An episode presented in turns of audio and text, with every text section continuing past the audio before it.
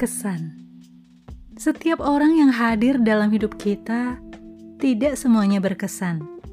Ya, mungkin bisa saja karena memang hanya sekilas, nggak kenal namanya, nggak pernah dalam satu kegiatan yang sama, nggak pernah ngobrol, dan sebagainya.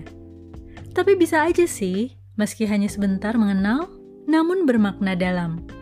Karena sikap atau perbuatannya nggak biasa, beda dari yang biasanya. Darinya kita bisa kagum, lalu meneladaninya. Atau bahkan bisa juga sebaliknya, kesal dan gak mau bersikap seperti itu pada yang lain.